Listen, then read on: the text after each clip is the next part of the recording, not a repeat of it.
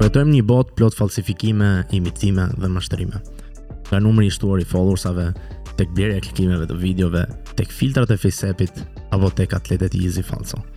Kemi kaluar nga thënia dhe nga qasja se duhet që ta shikojmë për ta besuar, në atë që duhet të supozojmë çdo gjë është falso derisa të provohet e kundërta. E megjithatë, edhe pse ne si shoqëri dhe si qytetarë dhe si konsumatorë jemi shpesh herë viktima dhe biem pre e konsumit produkteve falso, të cilat i konsiderojmë dhe mund t'i konsiderojmë si origjinale, në shumicën e rasteve jemi shumë të vetëdijshëm që po konsumojmë marka dhe produkte falso.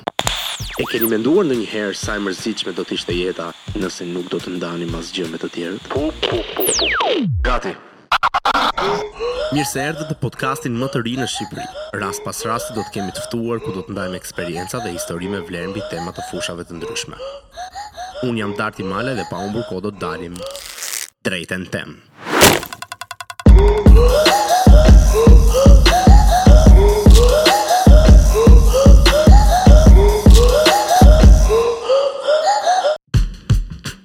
Përshëndetje dhe mirë se erdhët në Drejt e në Temë Podcast. Faleminderit që jeni pjesë e këtij komuniteti i cili po rritet në hapa të vegjël, por të mirë. Mos harroni të bëni subscribe në YouTube, në Instagram, follow dhe në Spotify gjithashtu për të mos humbur njoftimet e fundit mbi episodet e radhës. Sot jam këtu me ju për të diskutuar dhe për të ndarë opinionet dhe mendimet e mia mbi një fenomen që në fakt është problematik ndërkombëtare, por uh, më shumë problematike është në vendet e varfra dhe në vendet në zhvillim. Është pikërisht konsumi i markave falso. Drejt e në temë. Nëse do të pyesja se sa nga ju kanë blerë qoftë edhe vetëm një herë me vetëdijen e plotë një markë falso, një produkt kanë konsumuar një produkt falso, atëherë jam i sigurt se do të ishin të rrallë ata që nuk e kanë bërë. Unë jam një nga ata që kam konsumuar dhe kam blerë produkt falso, megjithatë ka qenë ndër herët e para dhe të fundit, të paktën me vetëdijen time. Pse ka qenë ndër herët e para? Sepse kam qenë në një moshë ndoshta jo të shumë të maturuar dhe sigurisht shumë i influencuar nga presioni shoqëror, të cilin do ta diskutojmë në vijim. Gjithashtu ka qenë ndër herët e fundit, Sepse, kur arrita të shikoja më shumë mbi këtë fenomen, të kuptoja se çfarë do të thotë që të konsumosh një markë falso, atëherë limitova veten. Po mbi të gjitha, e limitova kur arrita të perceptoja se ai rrip Hermes që unë e kisha blerë në një vlerë prej 10 euro apo 15 euro, nuk mundet që të prezantonte jetën e një 16 vjeçari që priste autobusin për në shtëpi. Por pse blejmë ne si konsumatorë dhe pse blejmë ne si shoqëri në tërësi imitime dhe marka fallco? Do doja që këtë diskutim në fakt ta nisja përmes një trajtimi se çfarë është marka në tërësi, duke e patur Shumë pasion dhe duke qenë edhe shumë i fokusuar në këtë fushë, edhe në Universitetin e Tiranës në Fakultetin e Ekonomisë në profesionin tim jap lëndën e menaxhimit të markës. Do doja që të ndaja këtu me ju disa elementë që më pas lidhen në mënyrë direkte mbi arsyet e konsumimit të markave fallco. Për dalë drejt e në temë, është shumë e rëndësishme që në fillim të trajtojmë shumë shkurt se çfarë është marka në vetvete dhe marka nuk është gjë tjetër veçse një emër. Marka nuk është ai simboli apo logoja që ne shikojmë, as nuk është vetë produkti. Është një emër që i bashkëlidhet, i bashkangjitet një produkti apo një shërbimi. Është një ndër asetet më me vlerë sot kompanive dhe pse ndodh kjo gjë është sepse konsumatorët lidhen shumë me markat, krijojnë mendime pozitive apo negative në qoftë se marka nuk menaxhohet në mënyrën e duhur dhe strategjitë që realizohen nuk janë të duhurat. Për të rritur besueshmërinë dhe për të krijuar lidhjet pozitive me konsumatorët dhe konsumatorët, ne si konsumatorë, në tërësi jemi të predispozuar për të shkuar drejt atyre që quhen blerje zakon. Pra për të limituar informacionin që duam të marrim për konsumimin e markave, por ne duam të lidhemi me marka të caktuara në kategori produktesh të caktuara. Ndaj menaxhimi i markës dhe trajtimi i markës në elementët e saj, siç janë imazhi, identiteti dhe personaliteti, është shumë i rëndësishëm për çdo kompani. Por ajo çfarë është e rëndësishme për temën tonë mbi konsumimin e markave fallco, është që të shikohet se çfarë marka bën për konsumatorin. Pra, funksionet që marka ka për konsumatorin janë disa, të cilat mund të ndahen në pikë së pari reduktimin e riskut funksional. Reduktimi i riskut funksional do të thotë se kur ne konsumojmë një markë të fortë, pra një markë të mirë me emër të mirë, atëherë ne riskun e mosfunksionimit të këtij produkti e kemi të vogël. Pra, shkurt thënë në fjalë më të thjeshta, Kur konsumojmë një markë të mirë e dimë që do ia vlejë se funksionon. Funksionaliteti i dytë që marka ka për konsumatorin është reduktimi i riskut psikologjik dhe kjo lidhet me konsumin e markave fallco. Reduktimi i riskut psikologjik, thënë në fjalë më të thjeshta, i jep konsumatorit një ndjesi në cilën ai e di se nëse konsumon një markë të mirë, atëherë ndjesia personale do të jetë e mirë, por edhe ajo e pranimit në shoqëri. Pra mënyra se si ne na shohin Familja, shoqëria, të afërmit kur konsumojmë një markë të caktuar e cila është e mirë dhe e njohur për ta është pozitive. Në njëjtën kohë, mënyra se si ne e perceptojmë dhe ndjesitë që ne marrim kur konsumojmë këtë markë janë pozitive. Prandaj reduktohet dhe risku psikologjik. Dhe e treta e cila është e lidhur në mënyrë direkte me arsyen e konsumimit të markave fallco është pikërisht mbështetja e shprehjes së vetvetes, ky funksion që marka ka për konsumatorin, thënë ndryshe edhe në anglisht self-expression, pra përmes konsumimit të markave, Ne duam që të paraqesim stil jete, duam të paraqesim arritjet tona personale, profesionale dhe duam mbi të gjitha të paraqesim stadin tonë financiar, nivelin e të ardhurave.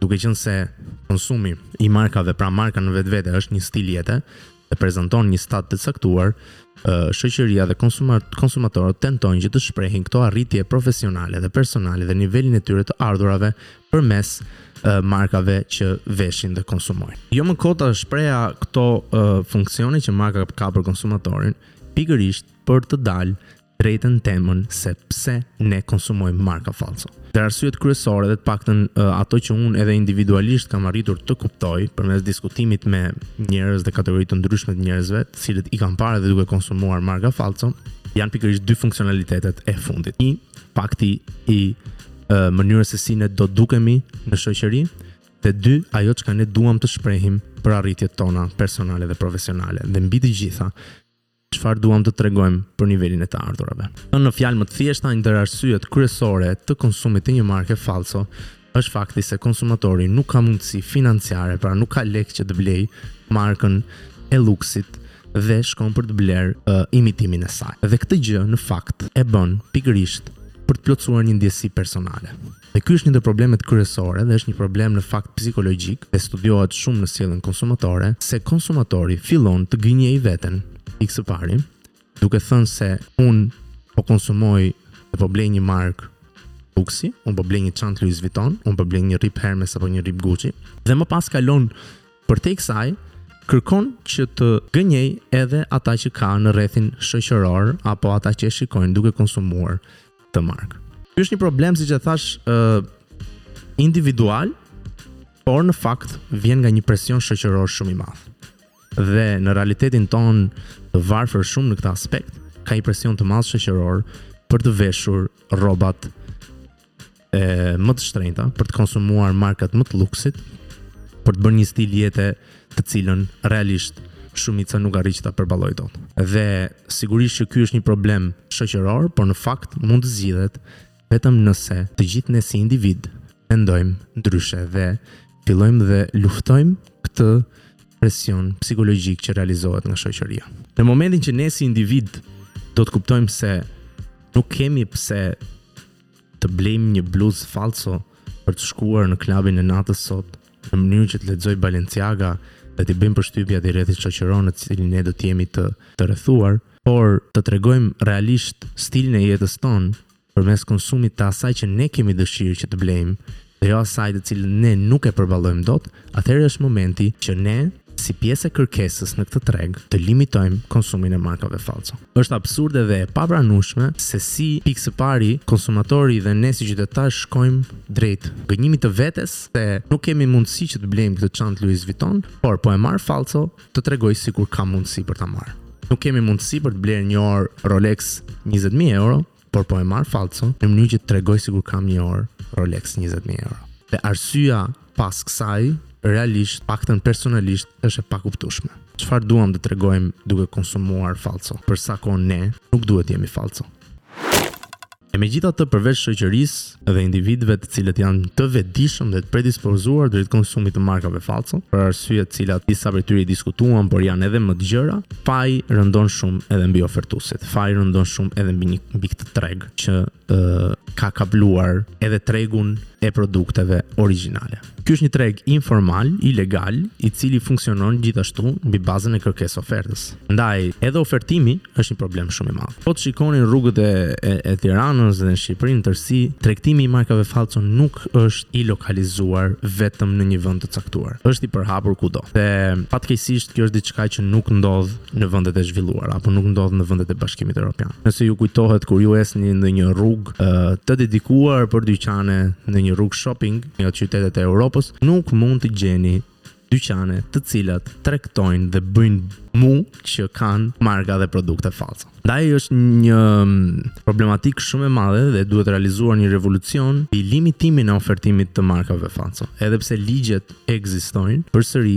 ato janë në nivele respektimi shumë të ulëta dhe këtë nuk e them unë, Këtë e kam të bazuar mbi studime dhe mbi kryesisht mbi raport progresin e realizuar nga Bashkimi Evropian, i cili në vitin 2022 e ka paraqitur problematikën e drejtësisë e e e së drejtës së pronësisë intelektuale pra mbrojtjes së markave ë si një përgatitje në nivelin mesatar të Shqipërisë. Megjithatë, dal sërish tek ne si konsumator. tek ne si individ, sepse siç e thashë më parë ky është një treg që funksionon si kërkesë ofertë dhe nëse kërkesa limitohet edhe ofertuesit do të dështojnë. Ndaj ne kemi në dorë si individ dhe si konsumator që të ulim konsumin e markave fallco. Të reflektojmë mbi arsyet se pse po e realizojmë këtë gjë. Në fakt ajo çfarë unë dua të shpreh tani është edhe reflektimi se çfarë bizneses ne po suportojmë duke konsumuar marka fallco. Unë dhe ti si konsumator, në momentin që paguajmë një produkt fallco jemi duke kontribuar në mënyrë direkte në organizata kriminale. E di që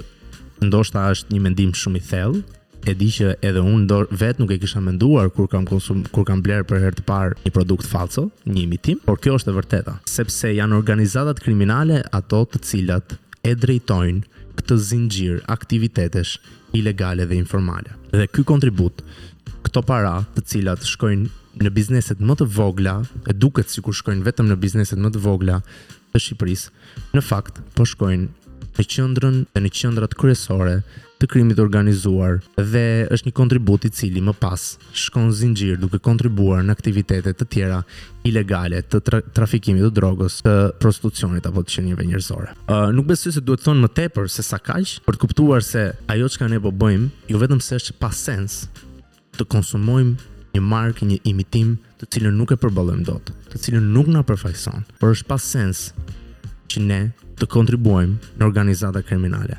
Është pa sens që ne të kontribuojmë në një falsitet të shoqërisë dhe falsitet individual. Është absurditet që ne të dëmtojmë gjithashtu edhe ekonominë formale të vendit. Ti nuk po lufton në jetë që të arrish të krijosh një sipërmarrje dhe të krijosh një biznes dhe më pas të jesh ok nëse ai biznes të vidhet apo të imitohet. Ndaj mos e bëj një blerje të një produkti fallco apo të një imitimi. Produktet fallco gjithashtu janë shumë të dëmshme për shëndetin. Sipas studimeve, edhe në varësi të kategorisë së produkteve, po çdo produkt fallco është i realizuar normalisht në një kualitet dhe në ingrediente në përbërës shumë shumë më të ulët se sa origjinali, pasi kjo gjë reflektohet më pas edhe në kosto dhe çmimin final. Produktet fallco janë të dëmshme për shëndetin sepse nuk ka asnjë transparencë për ingredientet që përdoren, sepse një produkt, një imitim duke qenë pjesë e një tregu informal dhe një tregu të paligjshëm, nuk kalon në teste dhe nuk kërkon që të marrë certifikime apo të të realizohen testet laboratorike të një produkti të ligjshëm. Ndaj nuk besoj se ka akoma më shumë për të shtuar se përse ne duhet të limitojmë dhe të stopojmë së qenë të predispozuar për të blerë marka fallco dhe imitime. Unë dhe ti po kërkojmë që të kemi një jetë reale. Kërkojmë që të jemi origjinal, nuk jemi falso. Atëherë përse duhet të konsumojmë produkte falso? Vetëm kur ne mos t'i kërkojmë, ata nuk do t'i realizojnë. Faleminderit që ishit pjesë e këtij episodi. Shpresoj që uh, t'ju ketë pëlqyer dhe të keni uh, gjetur veten në mendimet dhe në opinionet e mia personale. Nëse nuk e keni gjetur ose nëse keni diçka për të shtuar apo për të kundërshtuar, unë Normalisht, duke qenë edhe të pakta, apo du, edhe nëse do të kisha shumë komente, do të shkoja për secilin prej komenteve apo mesazheve që mund të më vijnë. Vlerësoj shumë çdo opinion apo argument tuajin.